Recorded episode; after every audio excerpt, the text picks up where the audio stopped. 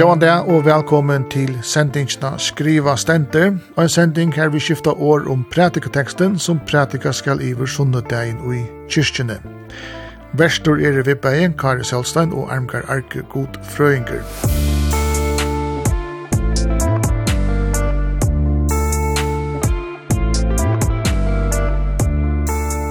Og saman vi okkon har vi boi tveimun gestun som har finnst til oppgave at akvørsun hatt at lesa predikoteksten, skifta årum teksten, tolka han og røyna setan inn i en utrymans høpe. Og de som er i og i utvarstående og IDM er Guri Poulsen, keramiker og lystakvinna, og han sjakker Kolsløy, lærere og lestrarvelagere i Vestmanna og Kampstel. Velkommen til Bein. Takk for det. Takk for det. Nei, Jack, jeg kan telle til om den teksten som vi skulle lese, eller høre om i det. Ja, så jeg fikk bare ved noen mynter, og vi hadde vi alltid hatt her fra, fra sundagsskolen. Så jeg tar, jeg var smaldronger, i Jack sundagsskolen, ta um, platt og læreren er her at her var noen mynter som det kallet på en talv, og her minnes det myntene av sånn her mannen som var oppe i trænen. Så det var det som jeg først tok seg om. Mm. God Rikard, tok seg til?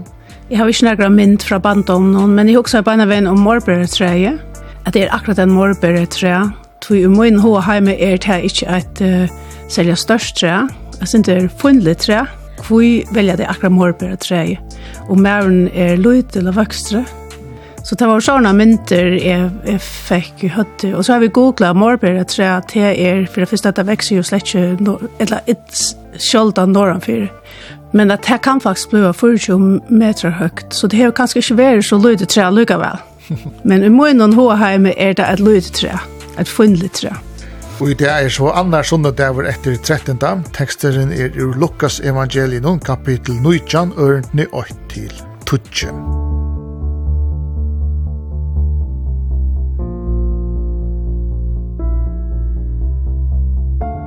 Annan sunne dag etter 13.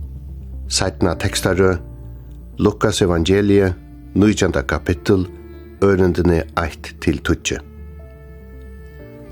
Eta heilaja evangelie skriva Lukas evangelistur.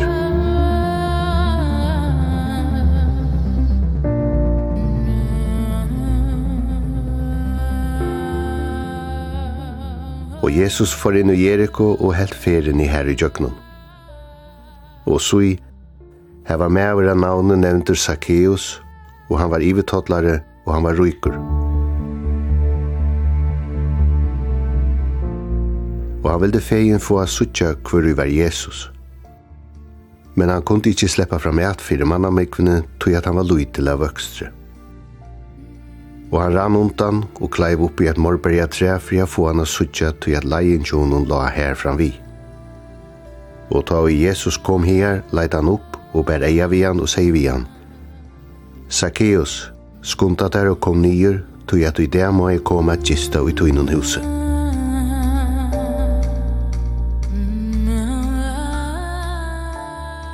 Og han skunta i sær og for nyer, og tog imot jo noen glæver. Og ta i til så hetta, var til ødel idla vi og søtta. Han er færen inn tja en sintion manni a gista. Musik Men Zacchaeus steg fram og sier vi herran.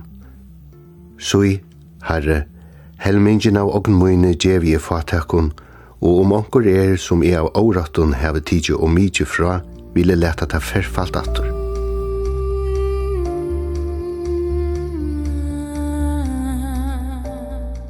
Men Jesus sier vi han, Og i det hever frelsa veri hesun huset fire vi til at eisen i hesen med av resjoner Abrahams tui at menneskjøsåneren er komin a leita upp hitt farna og at bjarga tui.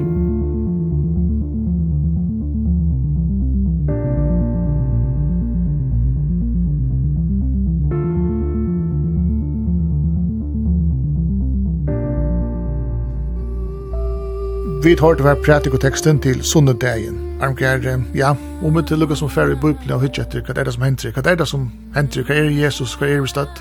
sender at han har vet til Jericho, og folk fyllt honom. Og så er det, vi hører om at det er mannen mann som heter Zacchaeus, og han tottlare, og han bare tottlare til at det var et vannvirligt starv.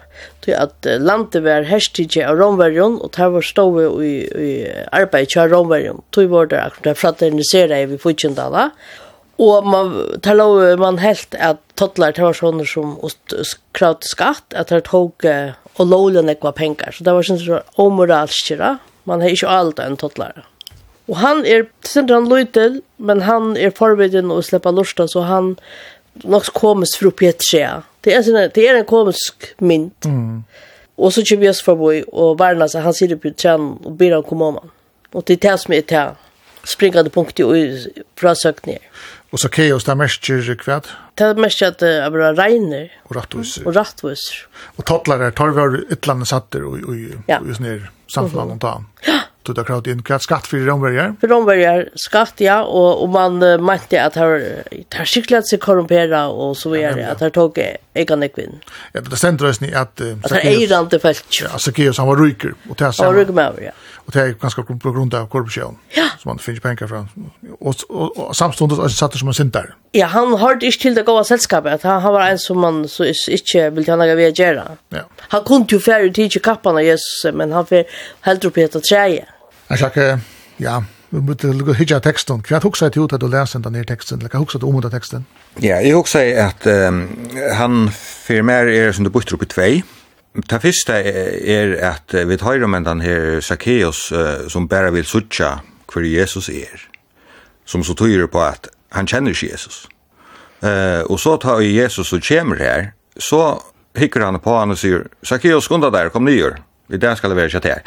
Altså her, Så tja vi døysene, etter her vi at, at teksteren forteller okkon at Jesus som personer er hisen her allvidande godren samståndet som han er menneska. Til at, altså, hvordan skal han vita hver Zacchaeus er og nevna han vid navnet Ja, han vet, han vet hvor det er som er som trener. Ja, det er jo alt for en det som vi får vite ur teksten. Ja?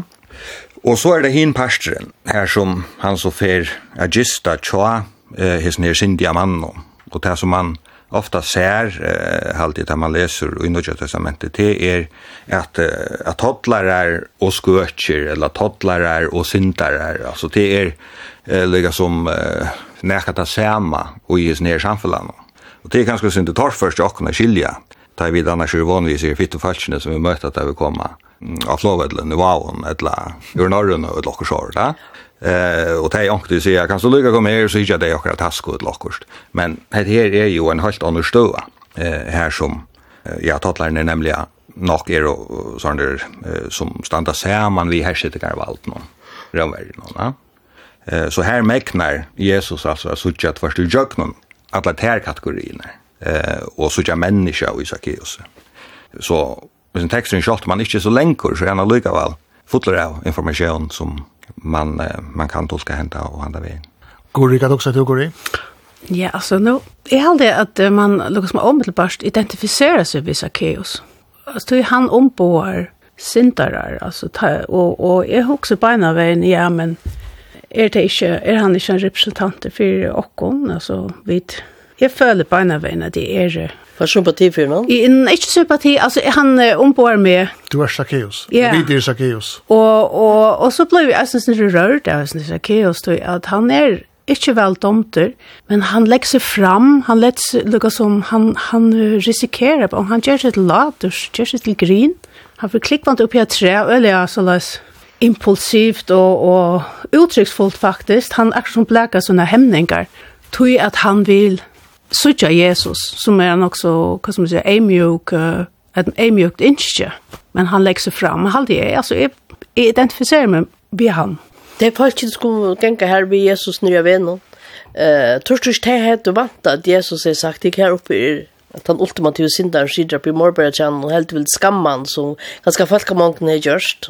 Jo, och till här är vi ganska i det i 2023 ikke ordentlig skilja, altså hvordan radikaler uh, Jesus på nekva matar er verre. Altså Lodvig teg han, tar han teker med utor, så har noen som tattlaron og skørtjon og syndaron, men øysene teg han harstar, fariserar og skriftlärd og og onnora. Alltså han han han mäknar verliga att så ju jugna några ting som här vi hierarkier agera och att förhålla sig till människa Og i hesen før noen så er Zacchaeus vel og en rettvis som er hevast han er tattlare.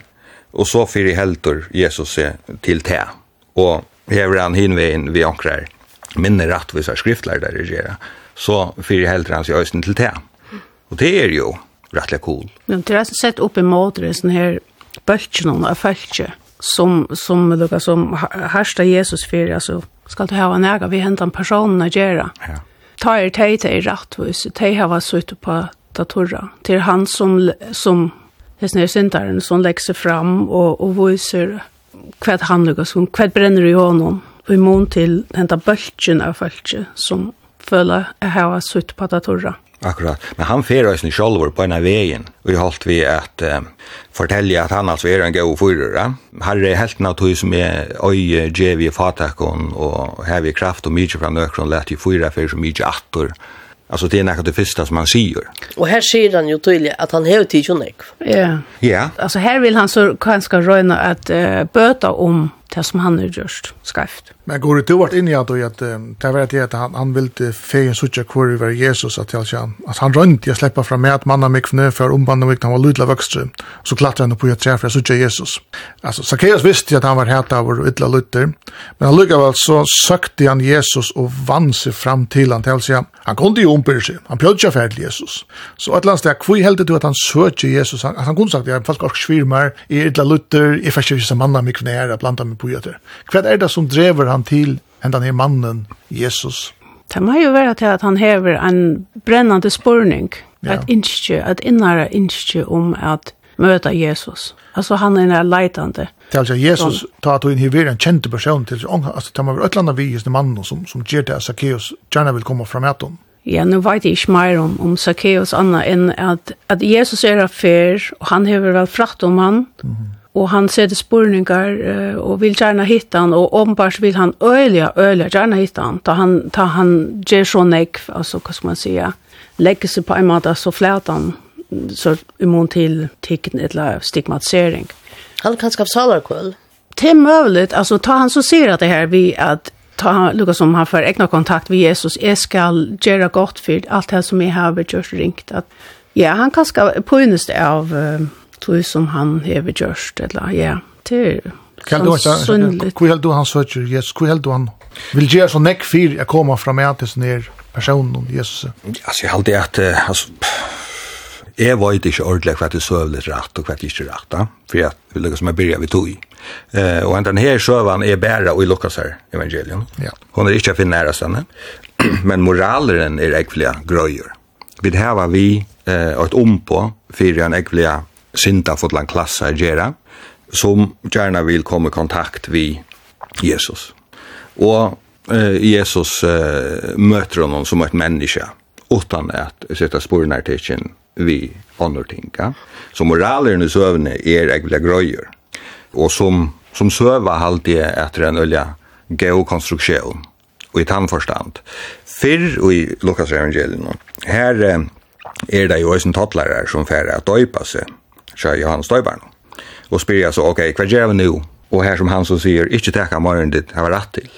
Altså, til øyneste båter få, fra Johannes Støybarn.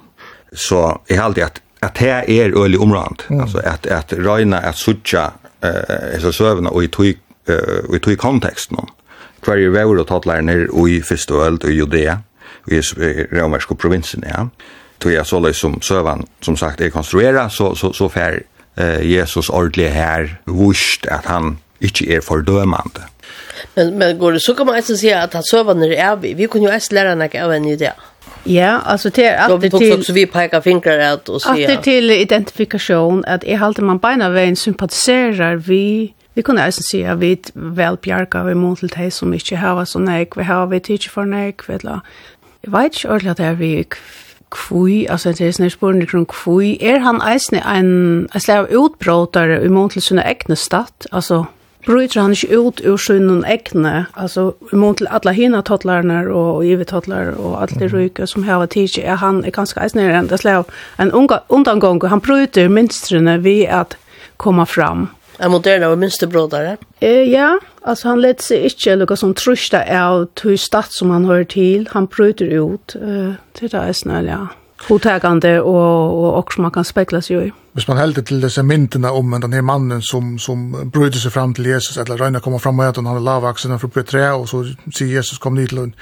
En, en sånn iverskipet tolking er at, at oi, så hette hette myntene på at du, hvis du skal søke god til så måste ångt du vinna dig at det selv og en og berge til fram til Jesus. Hva helt om det tolkingene? Jo, det er nok det som, som er mine, utan sånn at du gjør det formuleret. Mm.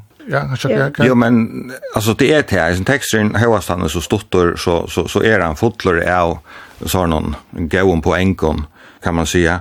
Men eh här vi rösne kommer in att här är att Zacchaeus ösne är son av Abrahams. Ja. Alltså han är ösne jöde. Mhm. Mm eh och här så jag så kanske näka Anna tog att man har haft ett öliga stratificerat samfällighet att döma eh, vid nekvon hierarkion og hevast Zacchaeus altså i tottlære, så er han allikevel jøte. Men i halde jøsning at det er avverst at, at søytene, så fyrir Jesus jo i holdt vi at vikka hese her frelsena, som han sier at, at han, at han kommer vi utom jødene. Alltså färg ju ger ju öll människor att lära sig när man är. Det är universellt. Det är mer universella, men men men och gör det om någon här eller fyra göd hon här är det här något rättliga gott poäng att att ja men Zacchaeus hevas han tattlar hevas han tattlar så är han så ösnig en av sin Abraham så. Det var sant det var så att att gör han helt det har varit frälst och ju vi har varit. Han var det utvalda faktiskt att Abrahams bud. Arbansbø. Ja. Tog er det jo så enda mer av ekslitt at han så fer i holdt vi der som herset av landet, ja. At det er alltid at det er øyland, til man fer øyland provokerande ta Jesus säger att hej tid av øyne bruk för frälse. Mm -hmm. Alltså Jesus mæren som er sin där. At han ju vondre av Zacchaeus hin henne med skinja av en det er det som han säger. Vi er samma bata. Ja. Kanske det var vel provokerande, Jag hade det att att de hukse där stedet jag hors där altså. Jo, och om fjälten var eisen i øyene, och han säger Jesus sier, ska skal komme ner ur trænen, Jag ska hemma just att chatta här. Det är ju eisen øyne provokerande, hvor akkurat heim til Zacchaeus. Men helt det tog man kan se att här att Zacchaeus ångsväckna heter man bryter ut att han för tosa moderna mål det att han ser att han blir känd av en öron att han möter en ultimativ till kärleka som gör att han säger jag ska ge allt åter. Ja, det hände ganska no oj så kött. Ja, men helt att hade eja blick här kvar han var bin på nio. Ja, ja, det hände. Det finns en tankar om jag ska göra allt gott. Ja. Ja, jo jo, det är nog så lite. Jag tar så jag har att ett poäng och just nu till är att alla har bruk för frelsen. Det er ikke bare at det er ånden i fritidsen for frelsen. Altså. Ja, men man kan sjålan sige uh, til på andre måten som du sier at det var bruk for frelsen, eller man kan sige at om så er at um, frelsen er möjlig så har öll i öll för en ekong till henne. Mm. Eh så så så nöjdes det inte vara hatta släja av jötan eller bära jötan eller näka. Alltså det det är näka som mer allmänt människans lite. Mm. Alltså att det levde ju upp för att man under det bäit för lista folk.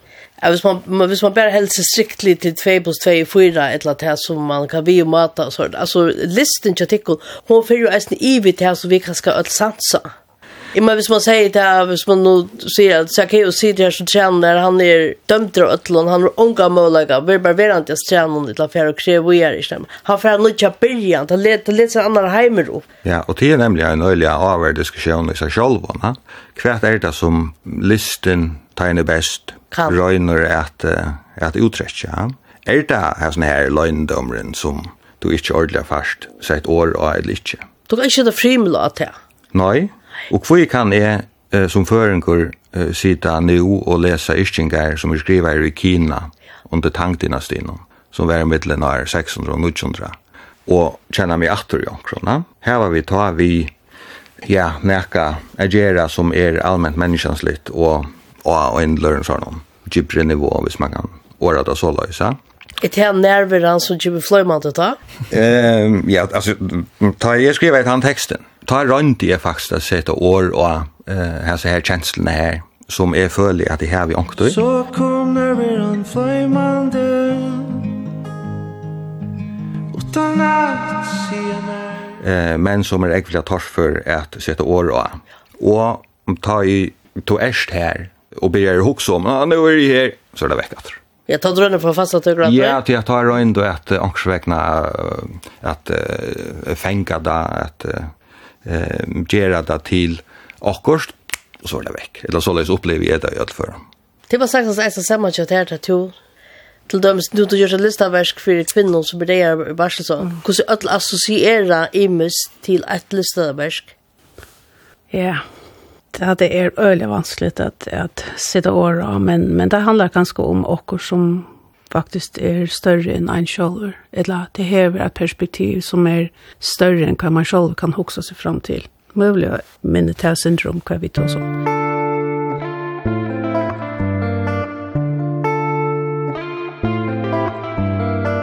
til lustar etter sendingsne Skriva Stenter, en sending her vid områa pratikoteksten til Sunnodegjen. Teksteren Hesefer stenter i evangelien etter Lukas, kapittel 19, ørntni 8 til 12. var er om tattlaran, Zacchaeus, som fer opp i et tre at suttja, Jesus. Gjester i sendingsne er hans Jakob Kolsløy og Guri Poulsen.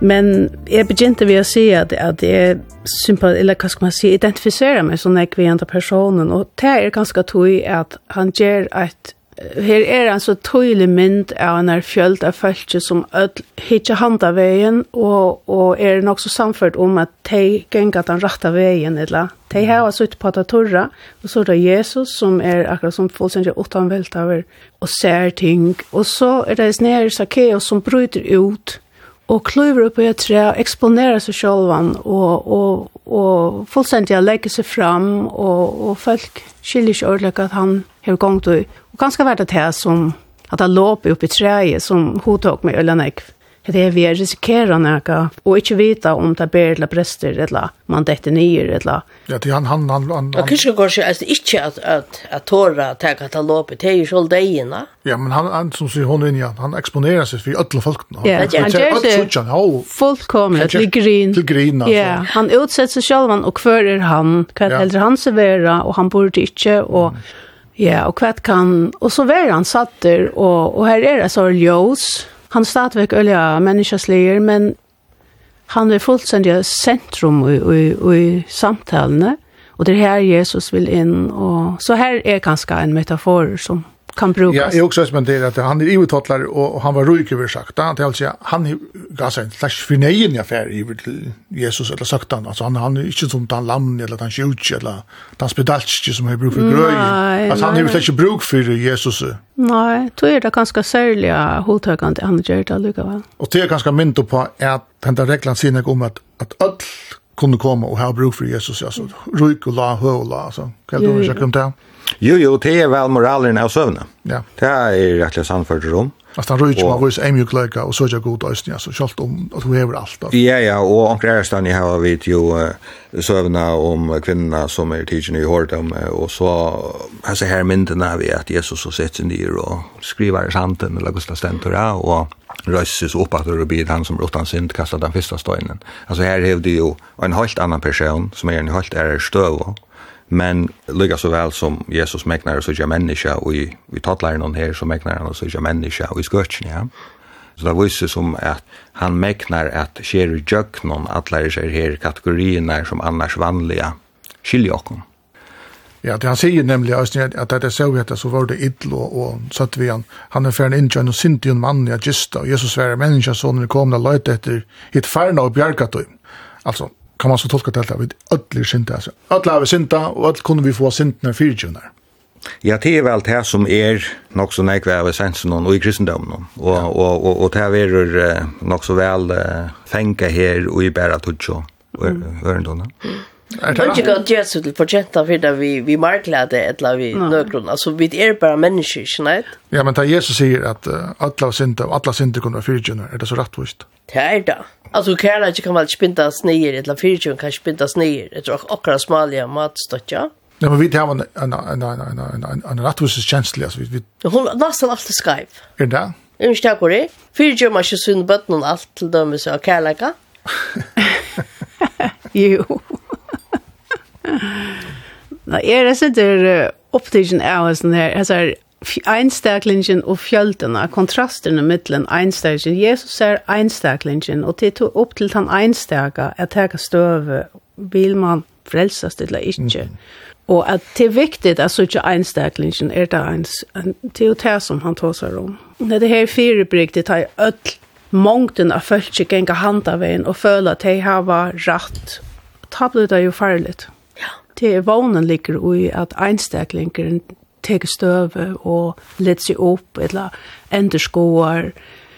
det jeg leser ut av hos nere teksten. Ja, og her er Zacchaeus jo uh, slag av kollaboratør vi romverska valde. Uh, så hevast han er av Abrahams at og i Gjøte, så er han alluga vel en pastor av, av hinon. Og at det her... Um, tribalistiske her, eller stammementanen som vi alltid man ser her på. Hon er akkurat lika vidkommande i det som hun vill ta. Uh, I Ivestøy, då i vel väl blir til akkurat nu i Miestre, tjön och er så ikke människa och en Palestina. Eller tjön Palestina, alltså jag människa och Göta. Na?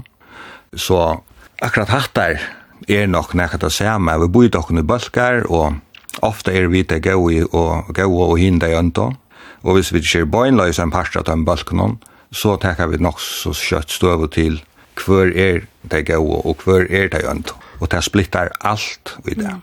Og det er ganske just det som Øysten er en påskap, og Øysten er teksten, akkurat det er menneskesånen, til å løyta, et farna og bjerga bjergat. Kan det ikke Øysten være mynd på at ta alla sinter for fyrtjen, og alla sinter kunde fyrtjen så Øysten dømer på at du kan ikke, du kan ikke døme ånder om to er frelsene, eller to er frelsene, eller to er frelsene, eller to er frelsene, altså det er ikke opp til tøyen. Ja, vi tar alltid en smalig en matstokk etter, og, og da er vi andre etter, etter akkurat matstokk, så det ligger ikke til åkken å gjøre det. Ja, det var en at du var ikke hvor frelsen og hvor ikke frelsen. Du var tror jeg det som går seg til individualistisk, til mitteltvei, til ikke det kollektiva. Og det alt alltid vandrer meg ikke det kollektiva for oppmåter. Du må takke støve. Takke støve sjøv.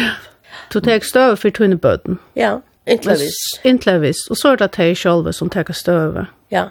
Men jeg sikkert ikke nok menneskelig at döma folk, att ha en mening om hva folk er? jo, det her vi er, er uh, et ekvelig primitivt instinkt som uh, nokkur en parter av evolusjonen er at uh, vi er hesenbalskeren og hin er hinbalskeren og vi har høytar økje og de har hattar økje og de skulle ikke komme inn og okkar økje og så framvis og så framveis Men akkurat det primitive instinktet kan så tekkas ut på nekvar imskar matar. Og her sykja vi det så og i mån til, og i mån til tattlarar og, og annor og i fyrstøld og judea. Uh, og i det så gjør vi det eh og på andre hver æramater og akkurat heter vi tattlarar noen gjør vi ganske kjøle det var mening for okken langer.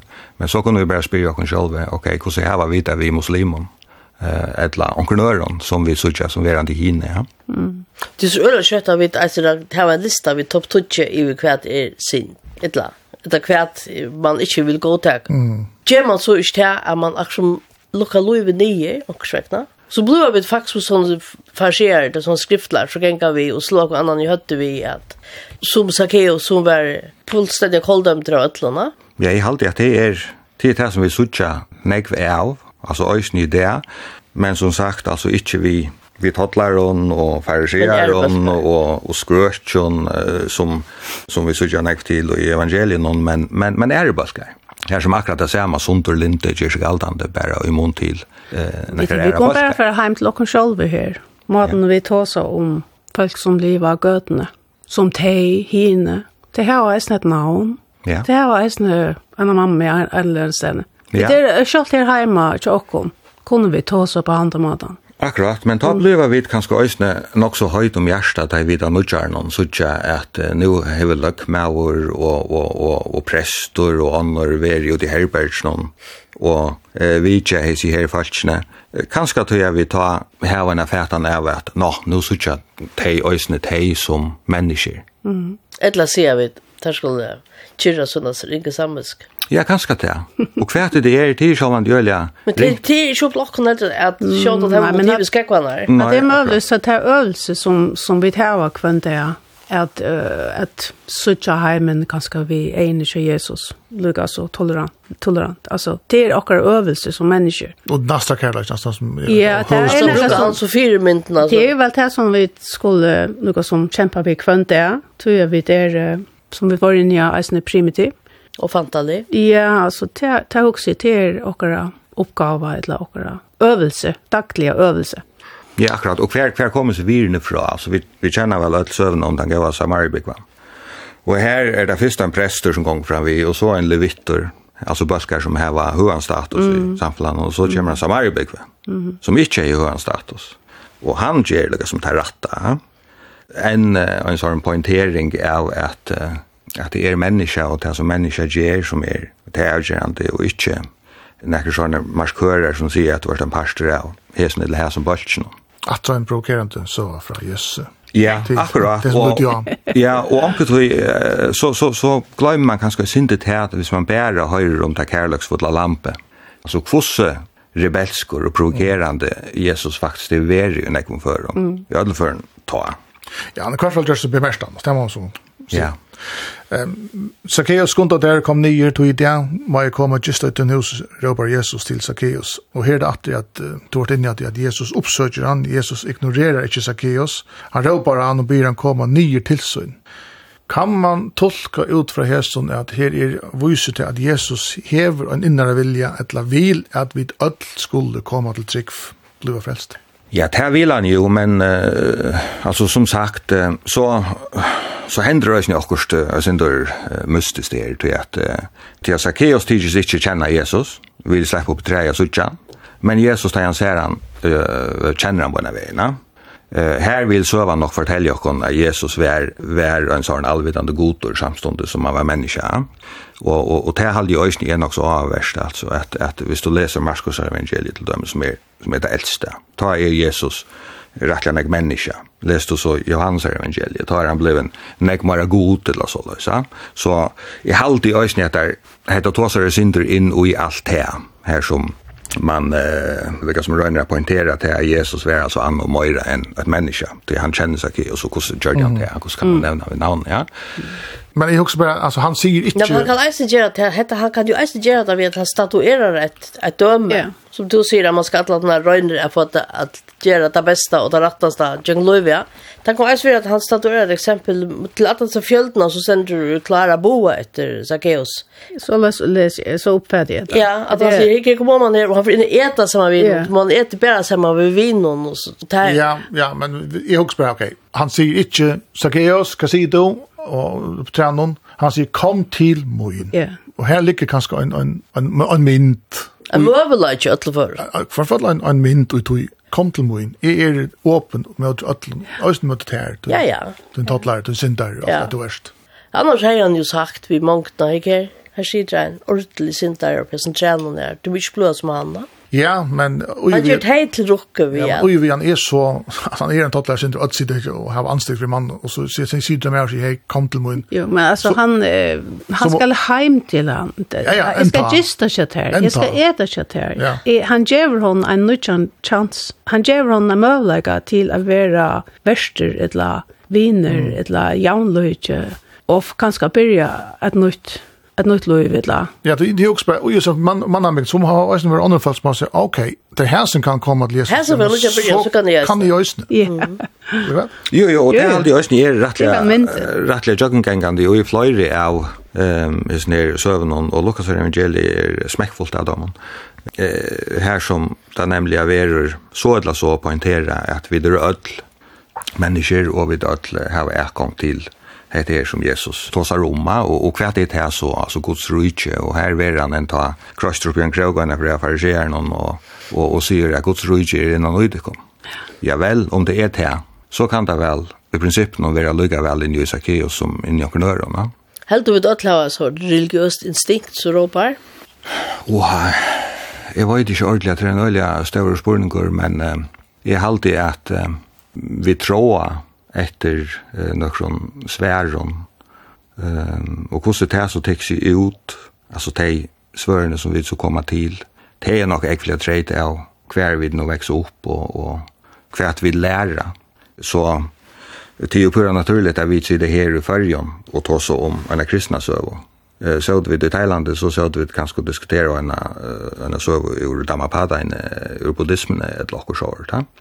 Eh, men han den här grundläggande tråden är så jag för näka som jag vill säga om alla nöjm. Jo, att det till Zacchaeus, han var ryker och han var ivetattlar. Han hejer kanske sutt på att torra. Men allugaväl så leitar han ju efter omkring. Da han gjør at det låper, så tar man være mynden på et selv de som velbjerga og hava en innere troen, eller spurningar til Ja, det är också med det vart inne att jag snär att han ser ju vi att vi vi Jesus alltså på när vi inte han kommer till honom så helmisch av åkt mun ge vi fatta kan de onkel är så vi jag ordat att teacher fram mycket från vill lära det färsfalt att. Att det först han ser vi Jesus quick quick quick gärna där. Ja, men det är akkurat det. Alltså det virkar som om att han hever inga samvetskå. Han var ju utmärska väl hver jag stöv och ser tattlarna det här var ju tar varandra samfället. Och så hever han efter att han en tørv och att säga, hva skal, är er. Jeg er ikke ringer, her var det jeg er tattler, ja. Mm. Han er kanskje fyrt lovsjokk at Jesus råper han nere tjener, og at han ser at den tar gøskan er så stor at vi vet jo ikke hva det er til Jesus her. Ja, men det ligger han. Det store er at han fer. Han fer. Det store er at han gjør at han låper. Det er den store vånen, halte jeg, synes øvne. Og det er jo finnes et heite, tar man gjør til han. Ikke lett? Det gjør en Zacchaeus. Det gjør en Zacchaeus det är att göra något som är revolutionerande. Man bröjt, en, en bröjting så att... Uh, nej, men inte göra en Zacchaeus, men vad det han gör det. Men en, en annan ivertolkning av snir, det är att uh, ta Zacchaeus säger detta så tolkar man det ösnen utfra tog att att om du att ta på ut löden du har kommit till trick för ett land så handlar du ösnen annorlunda. Du handlar efter kristen själen. Det är något som ligger ut i att ta du hever tidig vitrik så han så obevust handla du eisne etter. Det er jo som ut i ideelle verden. Ja. Nei, jeg trykker mer at det er et dagligt strøy på en kromat. Det er ikke et engangsfiks. Det er altså at selv om du er tidlig kristenartikk, så handler du ikke automatisk etter det. Nei. Nei. Du vil ikke et helgemenn? Nei. Altså, det trykker vi er, er, det er det daglige. Det er dagligt... Uh strøy at ja. alt det, vi skal stå kærløyga og bla bla bla. Nei, nei, det er, det er okkara loter. Daglig er vera frashtai og gjera skaift og oppatter og nyra av grulva og oppatter treie og røyna så Og bym ombering og nukja bergen. Ja, ja, det er okkara leikloter, det er alltid bestne. Kjell, du har sjokken? Nei, alltid, hvis man eh, sier, nå er vi et tidsby kristne er trygg, får man uh, profilera sig som verande kristna eh, så vil det i alle fall være dobbelt moralst, hvis du så samståndes eh, pura tilvidda, vart korruptor. Her vi sagt ungen er det, men, men, men, eh, men så skal man i alle fall være skruvar av en hatt här som man er for Det är om. Jag ser en troplaga vi tog i. Danske politiker säger att man, man, man skulle inte ha kristna politiker, men politiker stod kristna i avgör. Mm. Att omkursväckna, det är inte om att göra att Zacchaeus för profilera sin näka, men det er til at det henter noe visa kaos. Yeah. Så at han blir bedre, for en bedre lov, han blir bedre menneske. Ja, og her sykja vi jo også Jesus fer etter fer, visa og han sier som, skil som skulle sitte fremst i samkommet og hos noen. Kolka graver og så. Og så framveis, og så framveis. Ja, men, men, men alt dette her, tidligst han også sier, er lyga mykje, om så er at du, at du ikke, ja, erst. Det är alltså att du tar det här dörren jag kan checka till det att det är dubbelmoral. Så säger du att du är kristen så kan du stjäla. Du kan inte du kan inte göra det tillvita. Till dömes och bråta ett att bo att de tog bo. Alltså du kanst gott ja, men men men det är väl definitionen på dubbelmoral att att här kan vi en är som säger att du ska uppföra dig så så så så så och så ger han något helt annat. Men lugga vid att lugna första ett lägger han. Vi det är vast och frästast en enaste. Som sig antingen fus som hållt i vart. Ja, det är det. Det är väl läsen vi det ritual så som är endertøker og vi ber fer var. Vi tar en ek såna endertøker som vi tar bruk for jaunan blir mynt og tror vi det er mennesker og man får nutja morgon og nutja bæja ja ja. men annars var vi just like mennesker da nei men jeg er fri på passant jeg kan bare bli en fijig og jeg kallar sysmen i her kan stå færa jeg skrifta. Tann institutionen er vel her av Njorsøk ja det gjør vi så og på æra matar Og det er ganske ut fra. Det gjør vi kanskje. Altså, det har vi et mulighet for, eller ikke beinleis på samme måte som i katolsk kyrkjene, men man kan jo ta som en prest. Eller salafrøyng. Eller salafrøyng. Hvis man hever okkur som... Mindfulness og alt mulig. Hvis man hever okkur på hjärsta som, som man ikke kan bæra. Og det hjelper jo alltid å se ting, hva se dårlig. Jeg nevner det ved navn. Mm -hmm. Mm -hmm. Og han kan bare få ta på dröna til en prester, han er jo fullkomla tagnarskydd, ja? 100%. Altså 100%, ja. skal ska grøvna. grövna. Missan kre och allt det. Ja, og, og pensjon og alt allt. Så, så det är, här är en ventiler, alltså hvis man hever häver törstockorst. Yeah. Men eh, om vi skulle lukka som vända till dig i det, kvart kunde vi bruke denne teksten til i det? Hva helt du, Anjak? Så jeg halte at vi um, kunne bruke den til at um, røyna at være minne fordomsfull, Um, men dømande i fire stereotypen av imenskons læ. Og så kanskje spyrre oss selv, ok, hver er tattlaren i det? Uh, og hvordan skal jeg så fire halda meg til, til tannbølgen, som i det er tann uh, som, vi, som vi dømer. Mm. Kjell, du går i? Hvordan bruker du teksten? Han stigmatiserer. Ja, ja och ja. det stigmatiserer. Som, som uh, som kommer eh tvåst och och i nekvon imiskon utgåvan. Mm. Till att det är då några andra idéer än än det var i Judea och i första värld. Men det är det. Går det helt du skulle bruka texten till det? Hur skulle vi bruka den här texten i det? Ja, alltså jag säger ju från början av att det är vi att identifiera men vi vi är den här som lever upp. Vi hade eisne att man kan eller man kan ska hävra eisne skilte til hvis man har møllakan for att leipa opp og, og brøyta okkurst, som vi snackar om, er det et, et, en mynd på en som, som tek seg sjølvan i krean og leiper opp og gjør en brøyting, veler a suttja tingene på en annan måte, vel, veler Jesus til i stedet for å velge han fra, at det er massar av vogn og ui tui tui aktene som han gjør. Det er alltid vi kunne teka vi okkom. Kväll du ankar, kan du bruke den teksten til det. Ja, så det säger jag åt att man går och krumma shower om man är om man är tanskig checkar vänner så Jesus eller man kanske är som Zacchaeus är man alltså så här man för dop små alsker och kanske är en kolka gröva.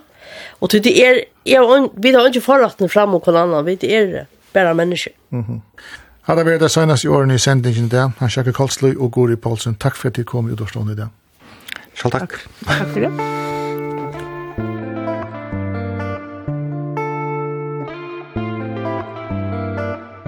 Hetta vær sendingin skriva stenter. vi tæva omrøtt pratikoteksten til sunnedegin som er søvan om Zacchaeus, Lukas evangelie, kapitel 19, ørdni 8-12. Gjester i sendingene var Guri Poulsen, keramikare og listakvinna, og han sjakka Karlsløy, lestrarveleier i Vestmanne og Akamstalle, og sangskrivare. Armkar Arke og Kare Solstein lette sendingene til Rattes. Skriva stendur blir atter om øyna vikon. Farvel. Så kommer vi en flöjmande Utan att se mer Fra bara så Bara hon natter här Nemur hjärsta mitt boi så gå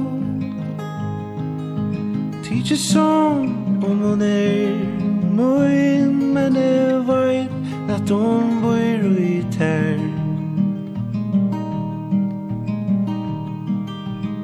Tom ferir hon her men et du er ei At liva vi løtan en som er ein tjej skal leve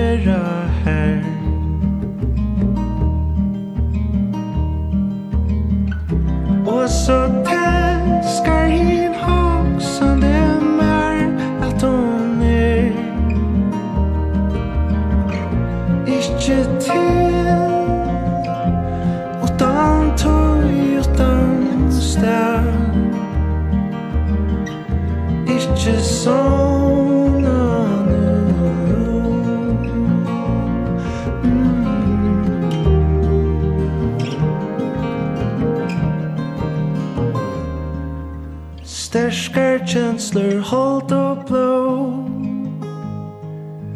Tankar og vilje til å være ui Es on heimen om